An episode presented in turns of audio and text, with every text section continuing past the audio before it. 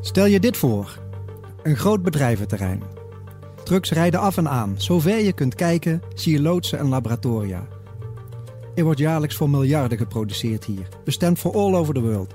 Er werken Mexicanen, Marokkanen, Chinezen en natuurlijk Nederlanders. Op het hek prijkt een logo met een pil en een cannabisblad. Welkom op Drugs Campus Brabant. Nou, dat logo, campus, ze bestaan natuurlijk niet, maar de rest wel. Welkom bij deze podcast over drugscriminaliteit in Brabant. Mijn naam is Lucas van Houtert van het Brabants Dagblad. En ik praat met drie journalisten van de onderzoeksredactie van Eindhovens Dagblad, BN De Stem en Brabants Dagblad. Vanuit een oude villa doen vijf mensen een jaar lang onderzoek naar ondermijning in Brabant. Welkom Wout van Arensbergen, Hessel de Ree en Mariette den Engelse. Om hier meteen maar even duidelijkheid over te scheppen, Hessel. Ondermijning, je hoort het vaak, maar wat is dat nou eigenlijk? Nou, dat is uh, een kardinale vraag, een goede vraag. Daar valt heel veel onder. Uh, wij hebben het vaak over ondermijnende criminaliteit. En als wij dat in de journalistiek uh, dat, dat woord gebruiken, dan hebben we het eigenlijk over georganiseerde drugscriminaliteit. Maar bestuurders van gemeenten die vinden ondermijnende criminaliteit, vinden ze juist weer criminaliteit die hun werk ondermijnt. Bijvoorbeeld door bedreigingen, corruptie. En zo kan, geeft iedereen eigenlijk zijn, zijn eigen invulling daarvan. Maar in het algemeen is ondermijnende criminaliteit, ondermijning, pardon, dat staat dicht bij mensen. Dat is criminaliteit die de mensen raakt, die de samenleving ondergraaft. En dan kun je wel zeggen, ja, dat doen eigenlijk alle vormen van criminaliteit. Maar de vorm van criminaliteit die dat in het bijzonder doet, dat is toch wel de georganiseerde drugscriminaliteit. En wat is het doel van ondermijning?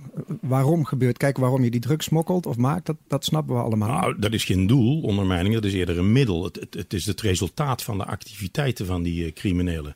Als jij bijvoorbeeld uh, uh, ergens een loods wil huren en die huurder die, die voelt daar niet zoveel voor, dan kun je hem gaan bedreigen, dan kun je hem intimideren. Dat is ondermijnend, want uiteindelijk gaat zo'n eigenaar, verhuurder, die gaat misschien met zo'n crimineel mee.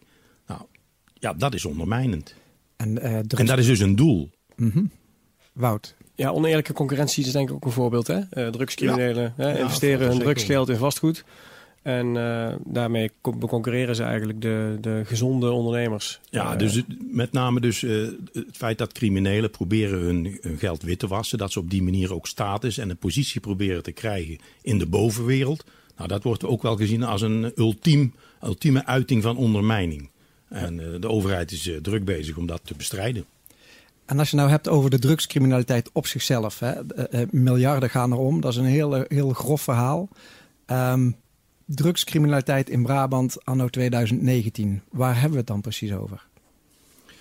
Dan hebben we het uh, volgens heel veel uh, mensen die daar uh, dagelijks mee bezig zijn. Criminologen, en, bestuurders en politiemensen. Dan hebben we het eigenlijk over een drugsindustrie.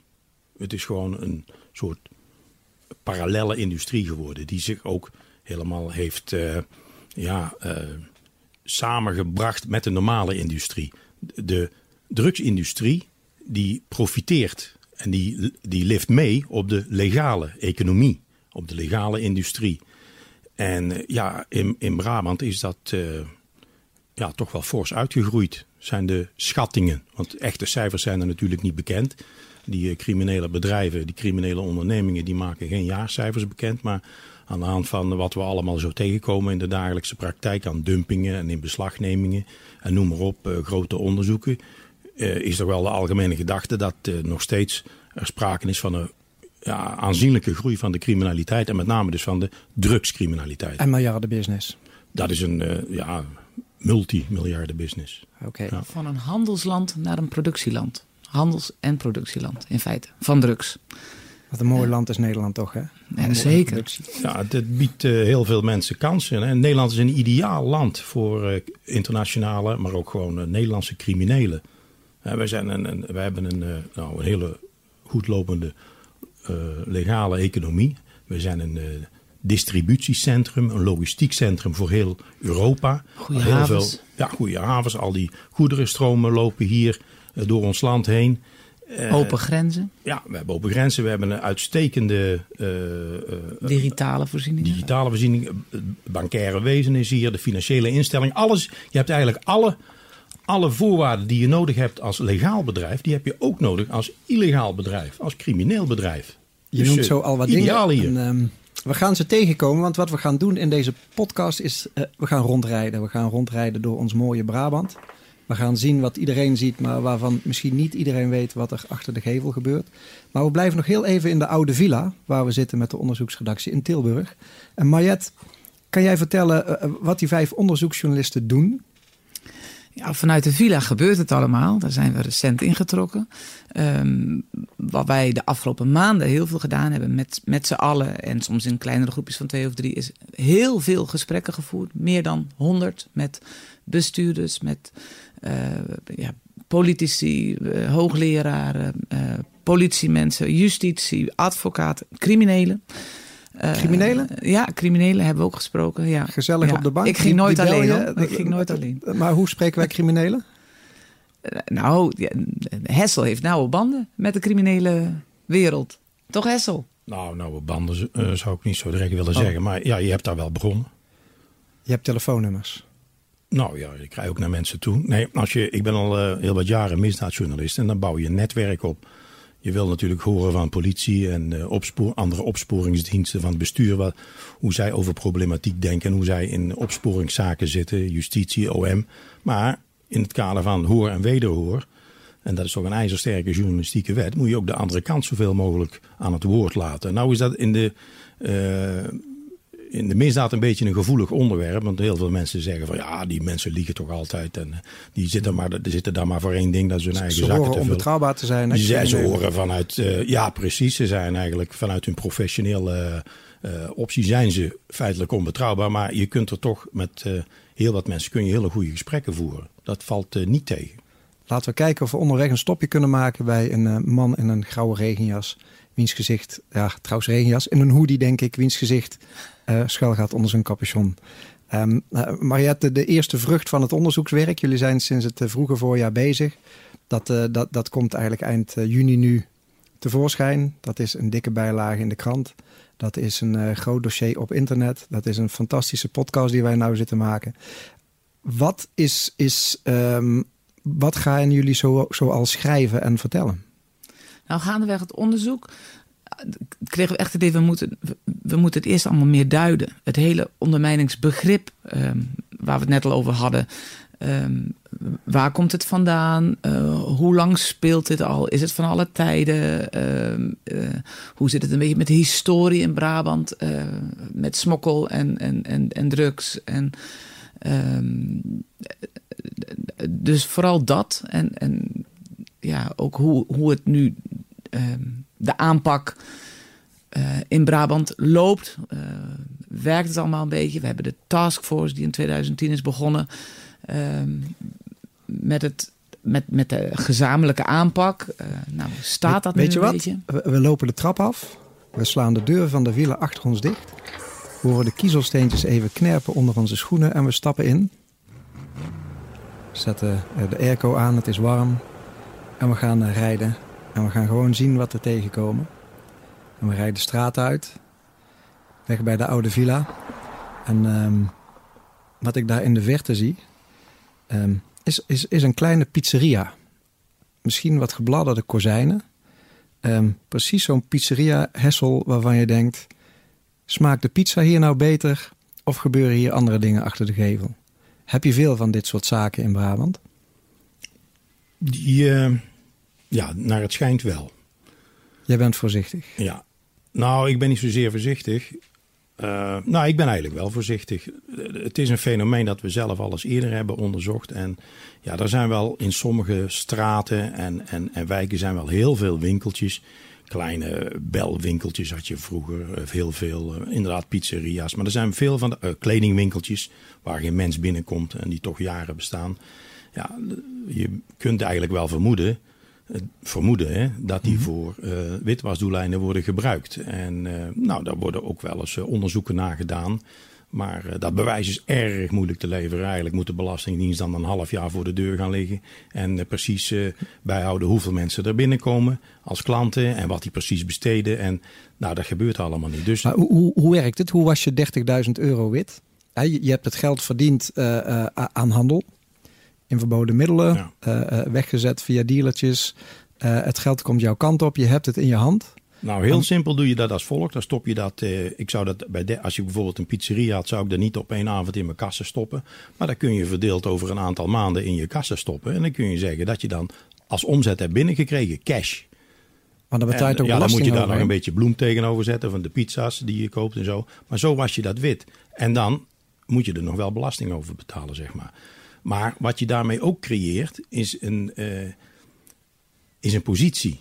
Je hebt dan, een, je hebt dan een, een, winkeltje, een positie. Je kunt dan geld uitgeven. Je bent dan geen windhapper meer hè, mm die in de gaten loopt. En het lijkt erop dat je nou, voor de experts niet, maar voor de buitenwereld lijkt het er misschien toch op dat je daar met, bezig bent met een legale zaak. dat je Terwijl je intussen daar in de legale stromen voortdurend illegaal, crimineel, gewonnen geld stopt. Nou, dat is de kunst. Ja, we horen ook in die gesprekken wel dat uh, een kapperszaak bijvoorbeeld niet per se als witwasplek dient, maar ook als uh, betaalmiddel. Dus dat in bepaalde deals gewoon met vastgoed wordt geschoven. Die wordt gewoon, dat wordt gewoon op een andere naam gezet. Waardoor je kunt betalen voor uh, de drugs die je hebt overgenomen van iemand anders bijvoorbeeld. Dus, dus ik heb een huis en ik heb voor jou een partij cocaïne afgenomen. En ik moet die cocaïne betalen. En dat mhm. doe ik met mijn huis. Ja, zo zou je het kunnen zien. En dat huis wordt op naam gezet? Dat gaat handig met katvangers en zo, ongetwijfeld. Anders ben je wel echt traceerbaar. Maar uh, ja. Oké. En het alternatief, uh, Wout, voor witwassen... is dat gewoon die veel te grote auto kopen... waarvan je niet kunt verklaren hoe je aan het geld kwam? Dat kan als je er niet heel goed over nadenkt. Of als je je luxe heel erg belangrijk vindt. Ehm, want uh, de mannen die in dat soort auto's rondrijden, dat uh, wordt hier en daar omschreven als laaghangend fruit, zeg maar. de echte slimmerikken die pakken dat natuurlijk handiger aan. Die gaan niet een, een, dikke Mercedes voor een rijtjeswoning met camera en rolluik zetten. Die heb je heel veel. En bij iedere controle, die komen heel vaak in, in het nieuws die berichten dat de Belastingdienst weer ergens heeft staan posten met een fijk met de politie samen. En nou, als je dan ziet hoeveel auto's er worden in beslag worden genomen... en hoeveel cash er dan wordt uh, afgetikt, dat is uh, ja, ja en, onvoorstelbaar. En, en, dat, dat deed de overheid vroeger dus niet. En dat, is nou, dat maakt nou onderdeel uit van die nieuwe, wat ze dan noemen, integrale aanpak. Dus die, dus die criminelen op alle mogelijke fronten achterna zitten. Vroeger ging je alleen de cel in en daarna had je een hele berg geld klaar. die je op kon graven. Ja, dan was je klaar. En als je dan nog een boete had, dan pakte je in een tas die er nog stond met 100.000 eh, euro of gulden toen liep je naar, uh, naar wie die boete had opgelegd, de fiscus of zo, dan gaf je die. En daar vroeg niemand naar de herkomst van dat geld en je, je had je rekening voldaan. Nou, zo werkt dat niet meer. Die mensen worden nu echt. Uh, en dat zeggen ze ook zelf tegen ons. Uh, die, die, een, een, jongen die zei tegen me: Ja, ik moet eigenlijk best wel op eieren lopen de hele dag. Ze worden voortdurend lastiggevallen, zoals ze dat zelf zeggen.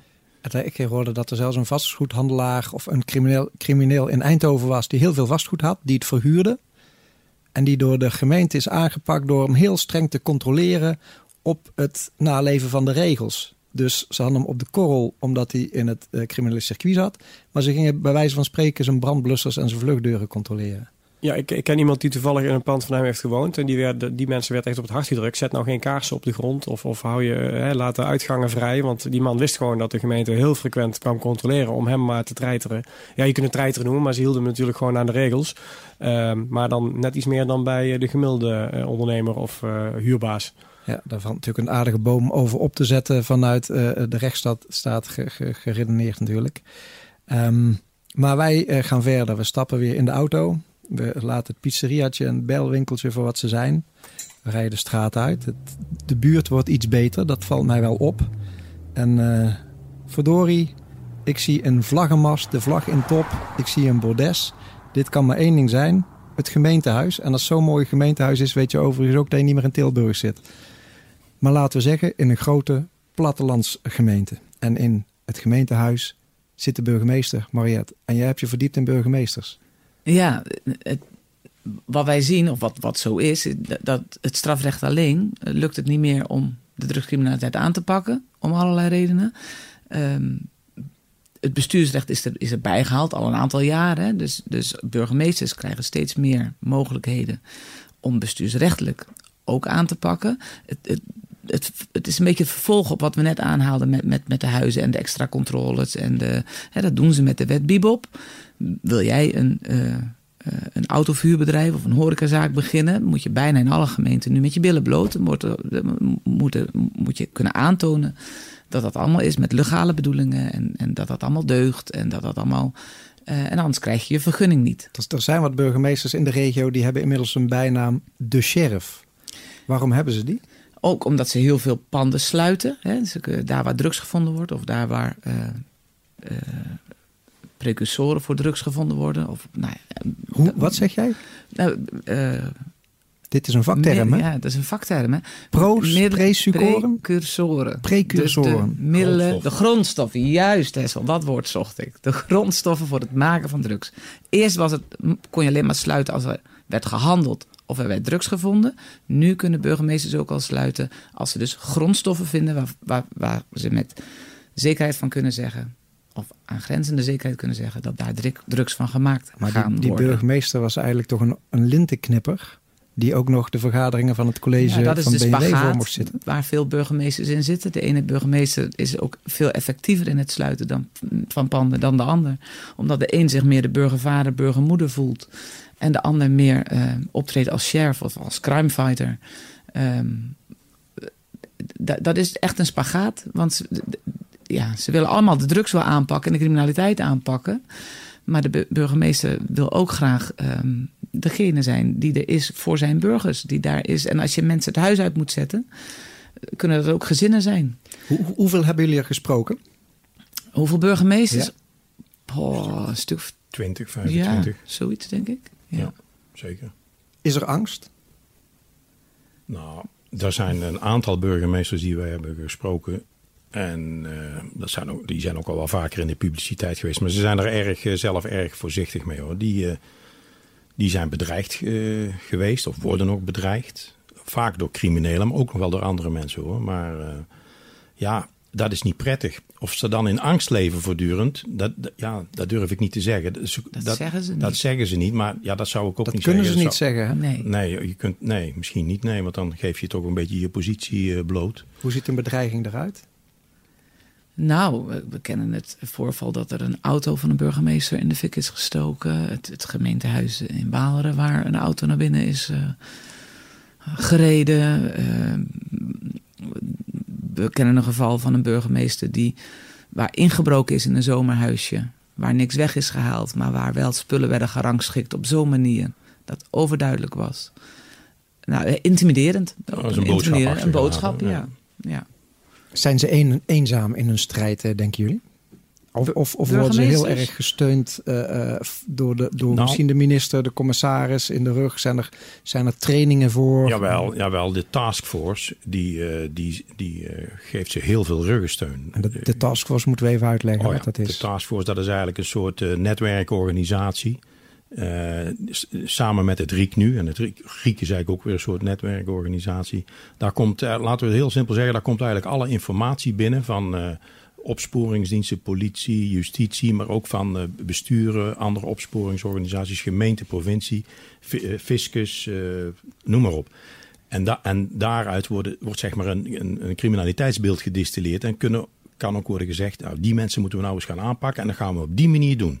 We pakken die jongen en En die zij, groep, die zij pakken voeden we. de burgemeester eigenlijk. Pardon? Zij voeden de burgemeester Ja, daarmee? maar niet alleen de burgemeester. Zij voeden, zij voeden alles en ze voeden elkaar.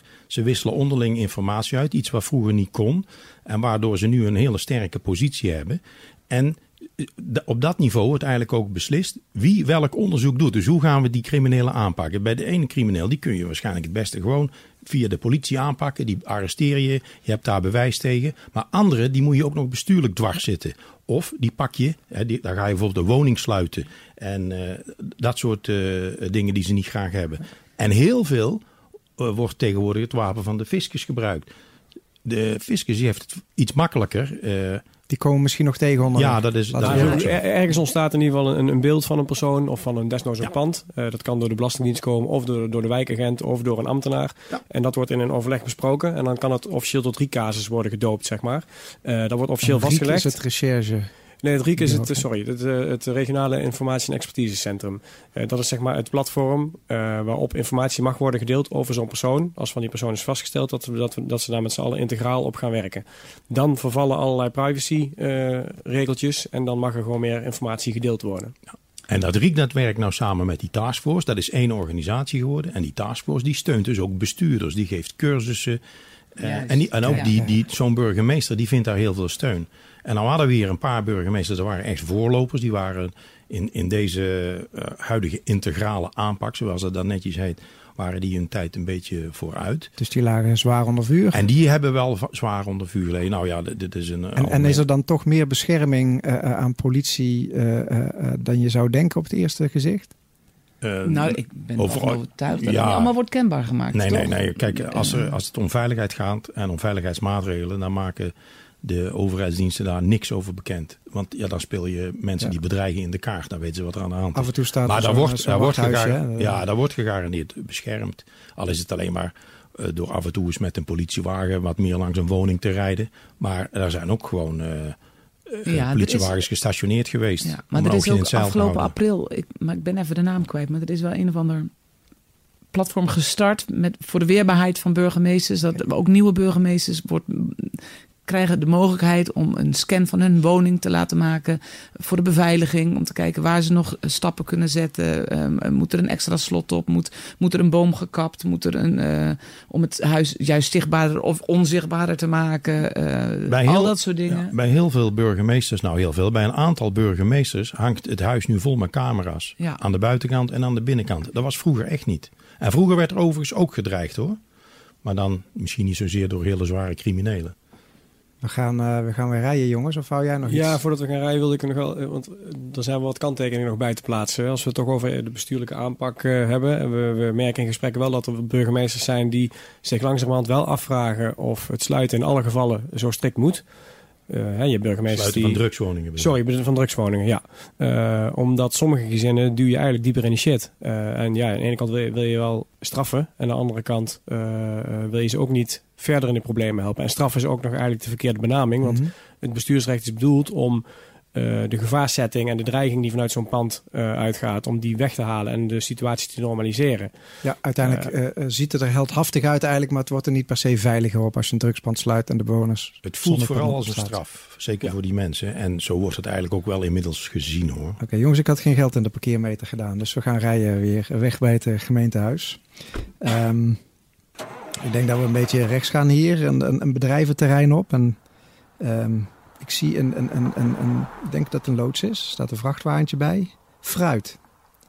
Hier wordt fruit verhandeld. Wout, volgens mij weet jij dat fruithandelaren eh, best wel onder de loep liggen bij de politie en justitie. Ja, in ieder geval een deel die aan bepaalde factoren voldoen. We blijven voorzichtig om iedereen te criminaliseren Eh, ja. natuurlijk. Hè? Ja. In West-Brabant eh, ehm, is een project gestart. Ehm, daar zijn we ook mee geweest. We hebben twee dagen meegekeken. En ehm, het idee is namelijk, of dat is geen idee, dat is al vaker aangetoond, dat cocaïne, om maar een voorbeeld te noemen, eh, dat dat via fruitladingen vanuit Zuid-Amerika deze kant op wordt gehaald. Verstopt tussen het fruit.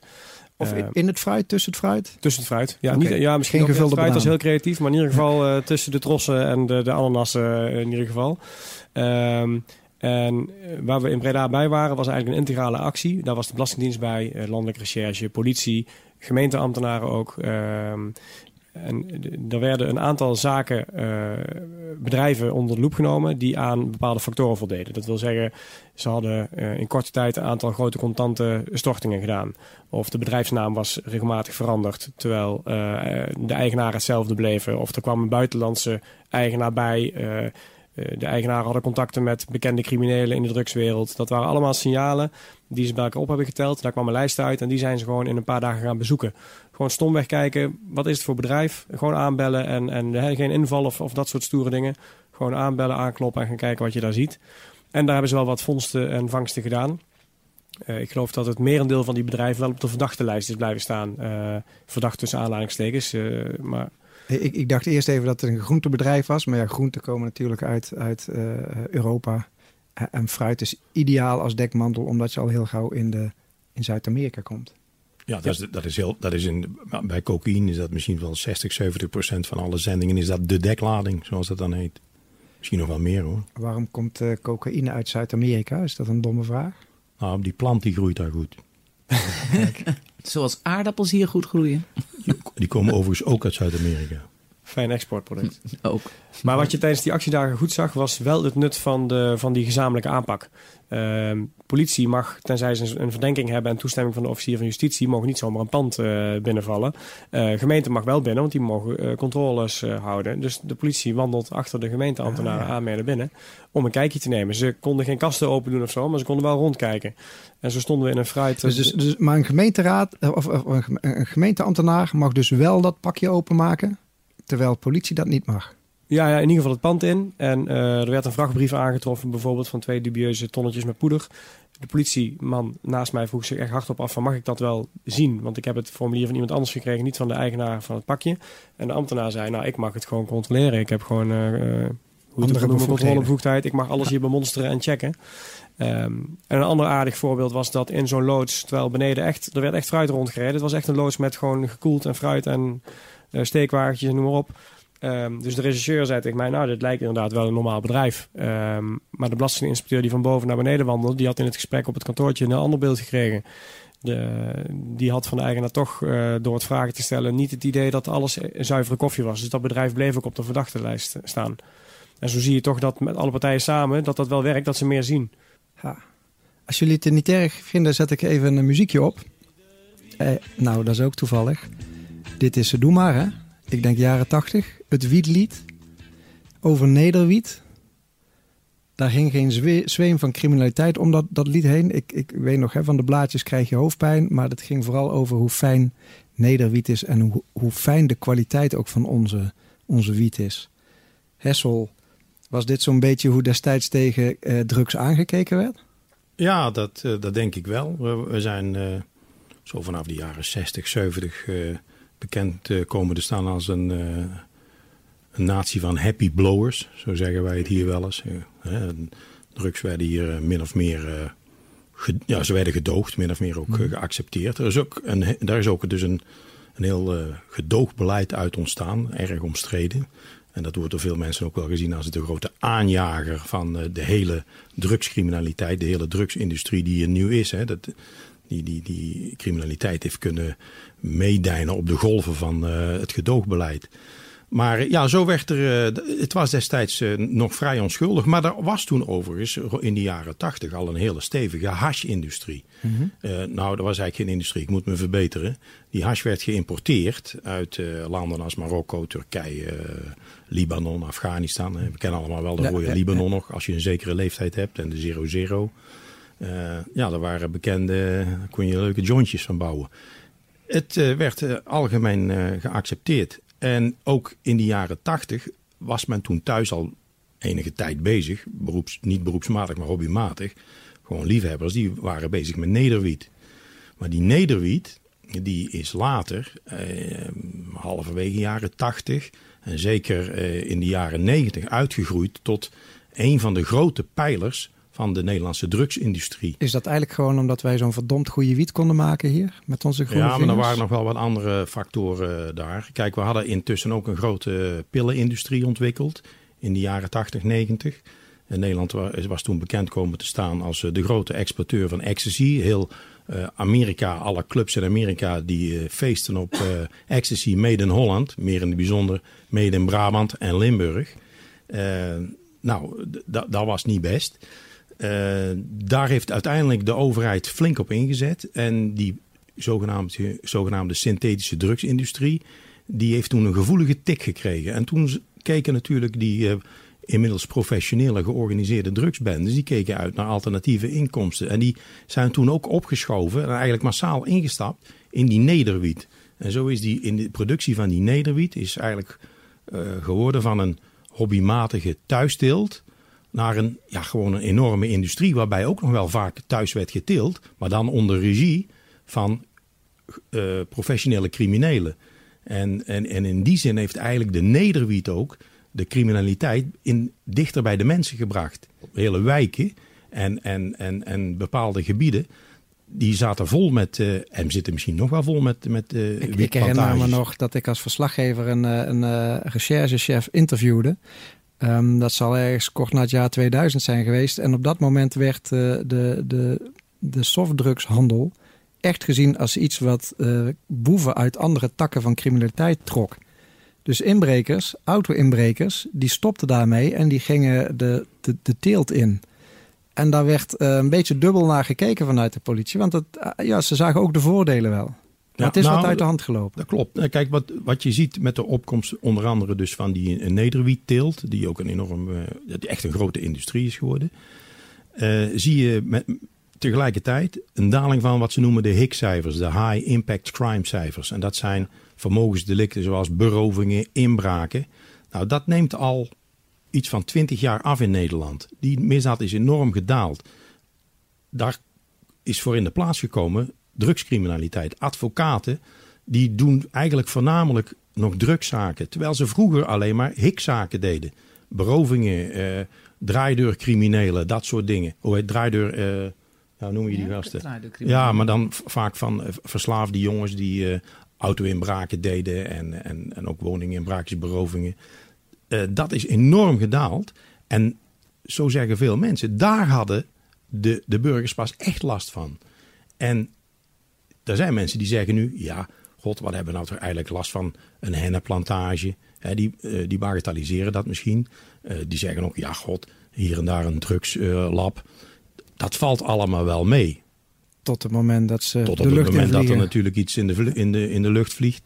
En, en, een, en een woning uitbrandt met een hennenplantage. Maar dat staat toch wat verder weg, lijkt het, dan eh, de voortdurende angst om te worden beroofd. Nou, chargeer ik natuurlijk een beetje, maar Mhm. eh, ja, het is, het is maar de vraag waar, god, ik, ik durf hem best te stellen hoor, waar heb je het meest last van?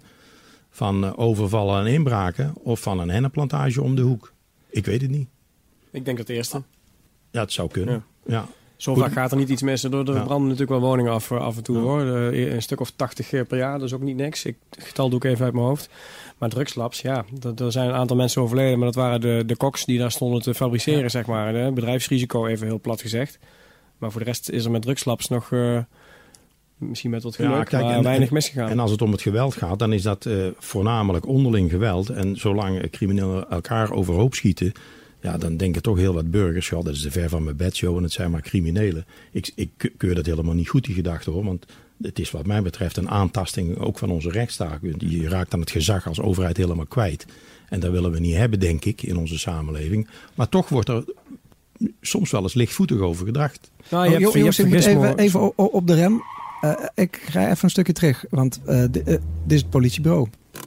En daar hadden we het eigenlijk net over. Politie. Eh, af en toe hoor je eh, kreten van het water loopt ons over de schoenen. Ehm, hoe effectief is eh, de aanpak van de politie? Ik denk niet dat je de aanpak van de politie in deze los kan zien van de andere partijen. Dus ehm, eh, nou, wat ze doen, is doen ze goed, denk ik. Maar dan kom je eigenlijk bij de kern van onze hele, onze hele gespreksronde de afgelopen maanden. De, de slagkracht is echt bedroevend laag. Ehm, ja, je noemde zelf al capaciteit. We hebben een overvalgolf gehad in Eindhoven en in eh, Beek en Donk, een kleinere gemeente. Ehm, nou, dat veroorzaakte in die gebieden natuurlijk de nodige reuring. Daar werden heel veel eh, recherche, of recherche, rechercheurs opgezet. Ehm, maar dan, dat zorgt ervoor dat andere onderzoeken op hun gat komen te Nou, liggen. ik ga hem En- even heel plat slaan. Eigenlijk geven wij als Nederland ons geld liever aan, uit aan het hierheen hangen- halen van het Songfestival dan aan extra agenten.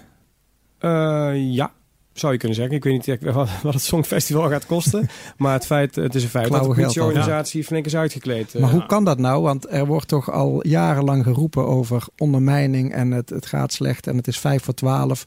Hoe, wat is nou een coole verklaring voor het feit dat eh, Den Haag wel af en toe iets over de brug komt, maar nooit echt substantieel? Of zien we dat verkeerd?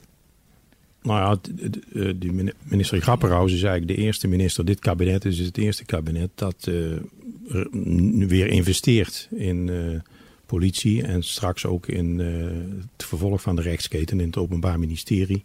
En de rechtbanken. Dat stond in de voorjaarsnota tenminste. Voor die tijd is het eigenlijk altijd een beetje beknibbelen en bezuinigen geweest. Ja, hoe dat komt. Kijk, de misdaad is op te lossen. Dat is overigens niet het doel hoor. Maar de misdaad is op te lossen.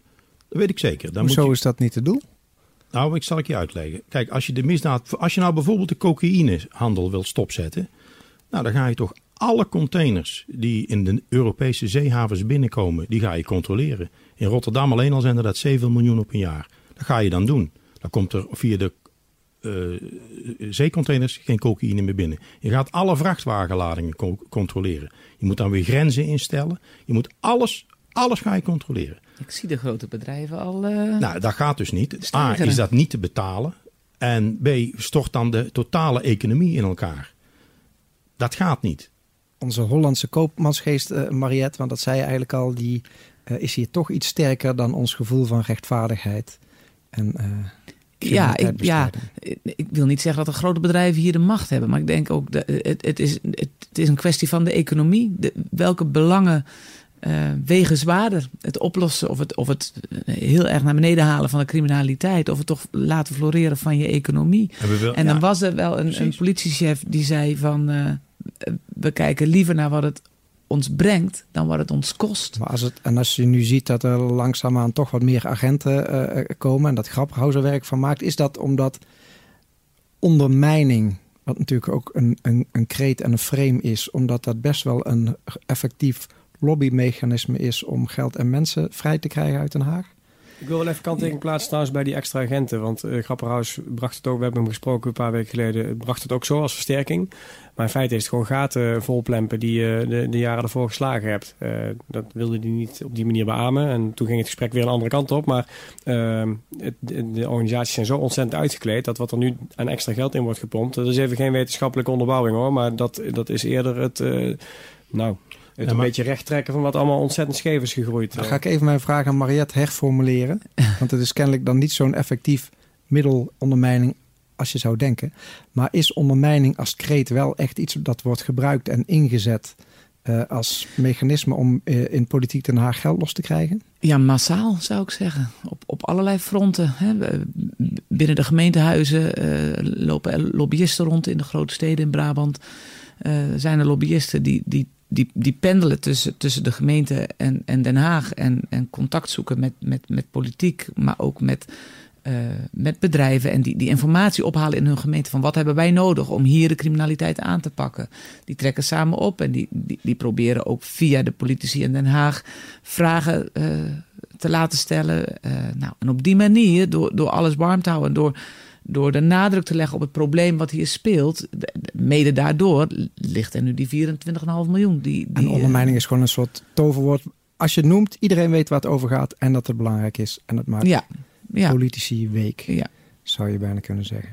Ja, ja. Nou ja, ja. Nou ja, hoe dan, ook, hoe dan ook staat het, staat het uh, hebben ze het vanuit eh, Brabant en ook Limburg, denk ik, maar voornamelijk vanuit Brabant, hebben ze het uh, in Den Haag echt op de kaart gekregen. En dat is van genoeg een van de echte successen van uh, ja, de ondermijningsaanpak. misschien wel het grootste succes, ja. En dat wordt nou ook gezien als een soort... Uh, voor, ze zien Brabant zo'n beetje als een voorbeeld, uh, als een proeftuintje voor de rest van Nederland. Hoe de rest van Nederland misschien ook de criminaliteit zou kunnen gaan aanpakken. Ja, en we hebben het wel steeds ook over de, over de aanpak. En dat is misschien ook het doel van dit, dit, dit gesprek. Hoor. Maar het, het gaat eigenlijk niet alleen meer om repressie. Hè. Wat je ziet vanuit Den Haag is dat ze heel erg inzetten op preventie. En dan zeggen ze met een heel mooi term de awareness bij de mensen. Hè? Mm. Het maatschappelijk. Eh, en dat is, dat is misschien met, met de term ondermijning een begin. Er wordt te veel weggekeken. Ja, hè, in eerste instantie door burgemeesters en bestuurders. Nou, dat hebben we nu redelijk. Hè, daar is nu redelijk. Um, uh, staat dat, zeg maar. Er zijn nog steeds burgemeesters die weinig doen. Maar in zijn algemeenheid uh, pakken die nu de boel best wel aan. Maar het gaat niet alleen om, om, om bestuurders, maar het gaat ook om de maatschappij. Ook mensen. Uh, gewoon de gewone Jan met de pet uh, moet het niet meer goed vinden dat wij zomaar pilletjes slikken en daarmee de drugsindustrie in stand houden. En, en dat bewustzijn, daar wordt de komende jaren fors op ingezet. Dat wil Grapperhaus na de zomer ook gaan aanpakken, vertelde hij. Uh, hij wil niet dat je zomaar met pilletjes naar een festival kan gaan. Ik weet niet hoe dat allemaal precies moet gaan gebeuren. Hij wilde geen jacht op de pillengebruiker ervan maken. Maar hij vond het onbestaanbaar dat je met pilletjes naar festival kan gaan. Uh, dat heeft recherchechef Ekelmans, of politiechef Ekelmans uit West-Brabant ook wel eens gezegd. Ehm, pilletjes gebruiken doe je desnoods maar thuis. Maar dat gebeurt niet meer op zo'n festival. Ik hoorde van een burgemeester dat soms festivalgangers weken van tevoren al hun pillen begraven op het terrein. En vind ze dan maar eens. Ja, of dat waar is of een fabel, dat uh, is misschien nog een aardig vervolg, uh, vervolgonderzoek. Ja. Wij zijn al best een eindje aan het rijden. Ik wil nog even langs de rechtbank. Voordat we bij onze finale vraag komen, is de boel nog te redden. Ehm, is, is de rechtbank, is justitie nou eigenlijk ingericht op de aanpak van deze criminaliteit? Ehm, stapelen de dossiers zich op en worden, wordt politie verder steeds gefrustreerder omdat zaken die ze aanbrengen niet afgehandeld worden? Of moet je zeggen, nou, grosso modo uh, uh, leidt het toch wel tot hele stevige veroordelen, ver veroordelingen ook van de grote jongens in het veld? Nou, uh, in zijn algemeenheid is het op dit moment zo dat als het gaat om de strafketen, die begint bij de politie en dan heb je het Openbaar Ministerie dat vervolgt en de rechtbanken die veroordelen of vrijspreken. Dat in die keten op dit moment het OM en zeker de rechtbank als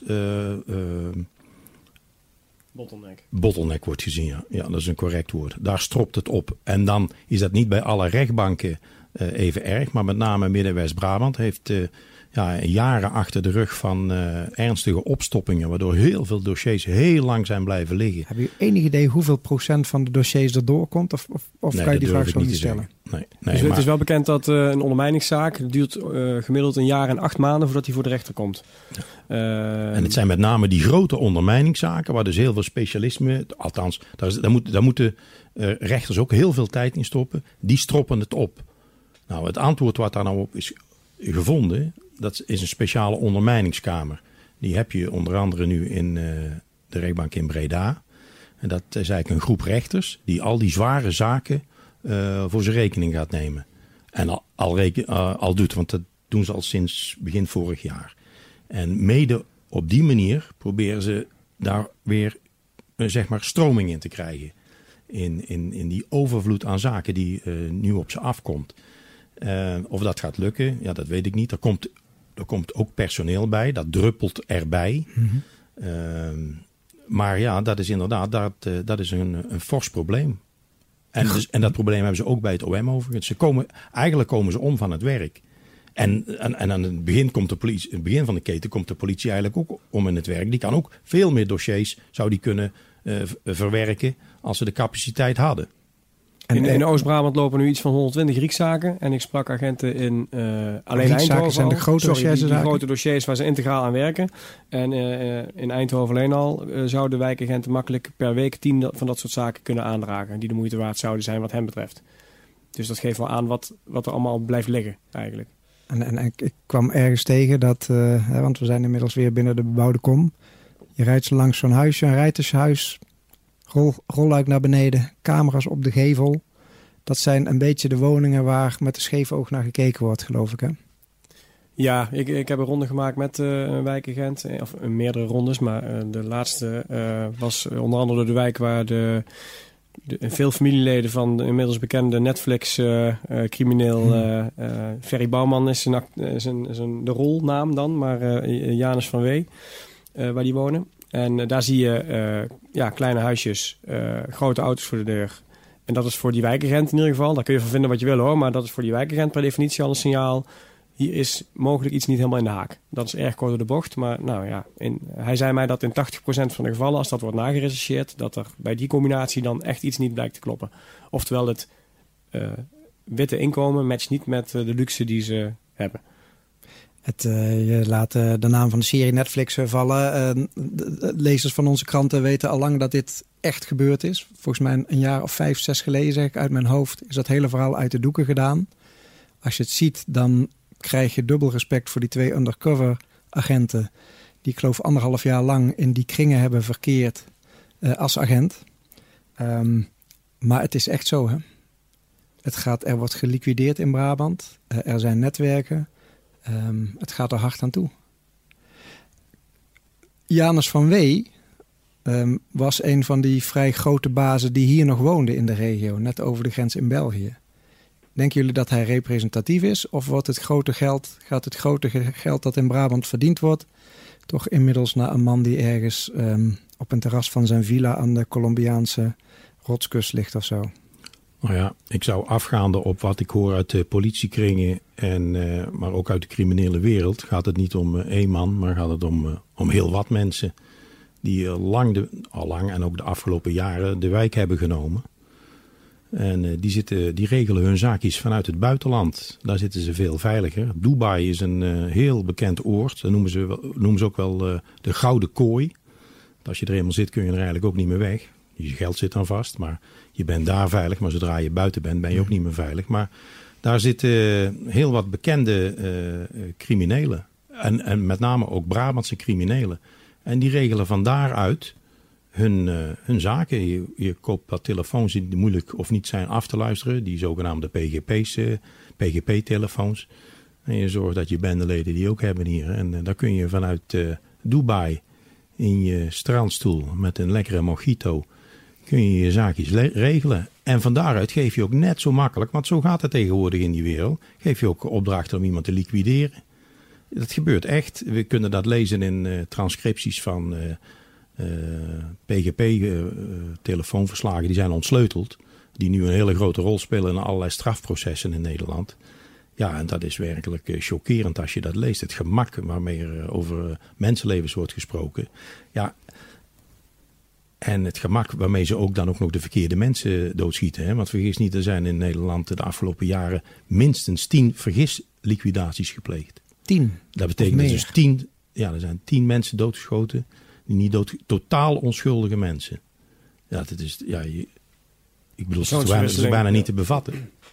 Het is, Je zou er wat kijk, en dat is een, en, en het gaat om dit soort uitwassen. En eh, Maar los van die uitwassen, hè, want eh, een heel groot deel van het echte grote geld zit in het buitenland. Maar we, vroegen ook om het een beetje concreet te maken. eh, eh, hoeveel van die grotere criminelen, en je kunt discussiëren over wat groot is, maar goed, zitten er nou in onze regio?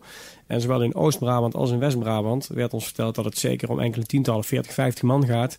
Niet, die niet een miljoentje hebben verdiend, maar die mogelijk tientallen miljoenen hebben verdiend. En die zitten niet eens per se ver in het buitenland, die, die, die zitten gewoon hier. Eh, dat, kan, dat is een grove schatting, maar dat verbaasde mij al wel. Ik bedoel, je hebt het dan over van, ja, tientallen mensen met tientallen miljoenen puur door drugs eh, verdiend. Nou, dat vind ik nogal wat. En kijk, zo zijn we terug bij, eh, bij onze oude villa, waar het werk weer ligt te wachten. En voor we uitstappen, toch nog één vraag. Ehm, ik ben niet per se heel optimistisch geworden. Jullie weten er meer van. Gaat het goed komen met ehm, Brabant? Nou, met Brabant eh, vast eh, wel. Eh, maar met de drugscriminaliteit weet ik het nog niet zo goed. Ehm, eh, de aanpak staat op de rit, zegt iedereen. Alle instanties werken, werken best aardig samen. In de rest van Nederland schijnt dat nog echt een drama te zijn hier en daar. Dus dat is hier alvast gelukt. Maar de slagkracht is gewoon enorm laag. Ehm, een, een regisseur vertelde ons... we, we kunnen het niet kleiner maken, zeg maar, de criminaliteit. Maar we weten de groei af te remmen. Ja, dat vind ik niet een heel erg vrolijk eh, stemmend eh, beeld. Ehm, De eeuwige metafoor die wij te horen krijgen in, Ja. in talloze gesprekken is... we schoppen wel een deuk in een pakje boter... maar oh, dat pakje boter wordt zo groot. Oké, Hessel. Ja, dat klopt. Eh, Ze zeggen wel eens, eh, ik hoor wel eens eh, dat we langzamerhand in een narco-staat leven. Nou, het is, we zitten met een groot probleem, maar zo erg is het volgens mij niet. Mexico, dat is een narco-straat. Dat, eh, daar hebben de criminelen echte klauwen in het bestuur, dat is corrupt. Maar Nederland is, en moet je niet uit het oog verliezen, op dit moment de Europese, eh, het Europese productie- en distributiecentrum van drugs, zoals cocaïne, zoals eh, ecstasy, amfetamine, hennep. En daar komt de laatste tijd eh methamfetamine bij. Dus we hebben een probleem. Nou, hoe, eh, hoe we ervoor staan, dat hebben jullie wel duidelijk gemaakt. Er is veel langsgekomen op deze autorit. Ehm, veel mooier nog vind ik, jullie hebben eh, voor Brabants Dagblad, Eindhovens Dagblad, B en de Stem een fantastische, ik mag wel zeggen monumentale bijlage geschreven. Waarin heel veel aspecten langskomen van eh, de drugsbestrijding in Brabant. Ehm, dingen die ook bij onze rondrit even aan, aangetikt werden, maar daar lees je er nog veel meer over. Even zo goed om te zeggen, de drie titels hebben op hun sites ook nog een heel erg mooi dossier staan. Waarvan alles te lezen is en waar ook een video staat. Ehm, jullie weten ondertussen dat je nog een half jaar minstens verder gaat onderzoeken. Waarover, dat gaan we niet vertellen. Niet alleen omdat het een spoiler is, maar ook omdat het het onderzoek bemoeilijkt. Rest mij eh, om, nou ja, voordat ik jullie bedank, er ook nog even bij stil te staan. ehm, dat je zo'n groot journalistiek project, en dit is het grootste onderzoeksjournalistieke project in Brabant ooit, alleen eh, kan gebeuren met eh, subsidie van het Stimuleringsfonds voor de Journalistiek. Eh, waarbij we ook nog eens bijgestaan worden door Investico, wat een onderzoeksjournalistiek bureau is. Ehm, zij gaan ook verder met ons. En ik kijk nu al erg uit waar jullie nog meer mee komen.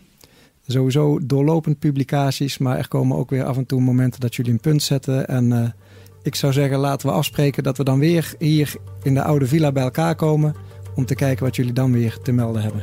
Dank jullie wel. Graag gedaan. Dank je. Graag gedaan.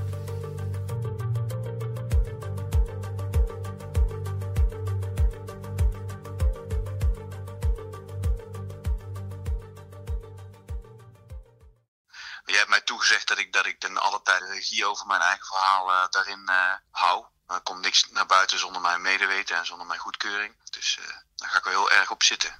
Dit is Jan de Man wat een pseudoniem is, want dit is geen fictie.